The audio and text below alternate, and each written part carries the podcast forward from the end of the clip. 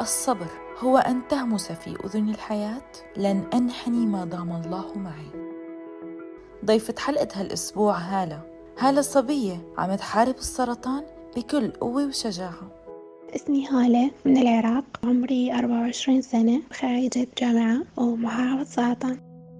التاريخ اللي ما بينتسى يوم واحد وثلاثين ثلاثة عشرين عشرين تاريخ كل صعب كان علي وعلى أهلي وعلى كل شخص يعني يحبني ويعرفني. بهذا اليوم أنا اكتشفت إنه أني محاربة سرطان يومها رحت أسوي فحوصات طلبة من عند الدكتور كتحليل و... و echo وتخطيط ومفراس. فبيومها إجا الدكتور كان يقول المريضة عندها cancer.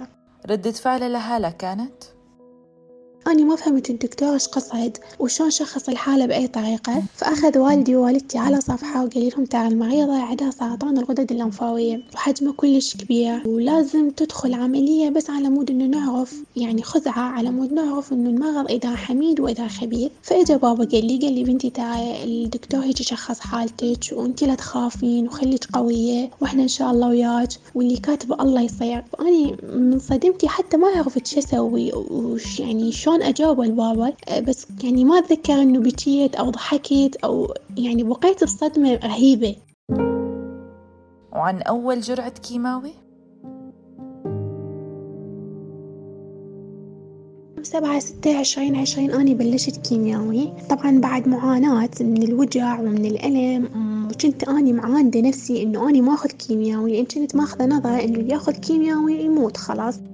فاجا اليوم إنه خلص لازم أدخل المستشفى وتوكلت على رب العالمين بالإضافة إنه الدعم الأساسي إلي كانوا أهلي وصديقاتي وكلامهم إلي إنه خلص يعني انت بطلة وأنت قوية وإن شاء الله تتغلبين على كل هذا. فدخلت توكلت على رب العالمين وقلت كل شيء يعني الكاتبه الله إنه يصير. هلا مو بس محاربة سرطان بل هي كمان داعمة لمحاربي السرطان. وصديقة لإلهم خلال فترة العلاج بأنه دخلت بجمعية دعم محاربين السرطان وتعرفت على محاربين حلوين ويعني من كل الأعمار وصاروا أصدقائي. هدف هالة هو أتغلب على هذا المرض مو بس إلي لكل المحاربين. وإنه ورا ما إنه أعلن انتصاري على هذا المرض إن شاء الله أكمل دراسات عليا وأنجح وأسس جمعية ولو شيء بسيط دعم مرضى السرطان. ورسالة لمستمعي الحلقة.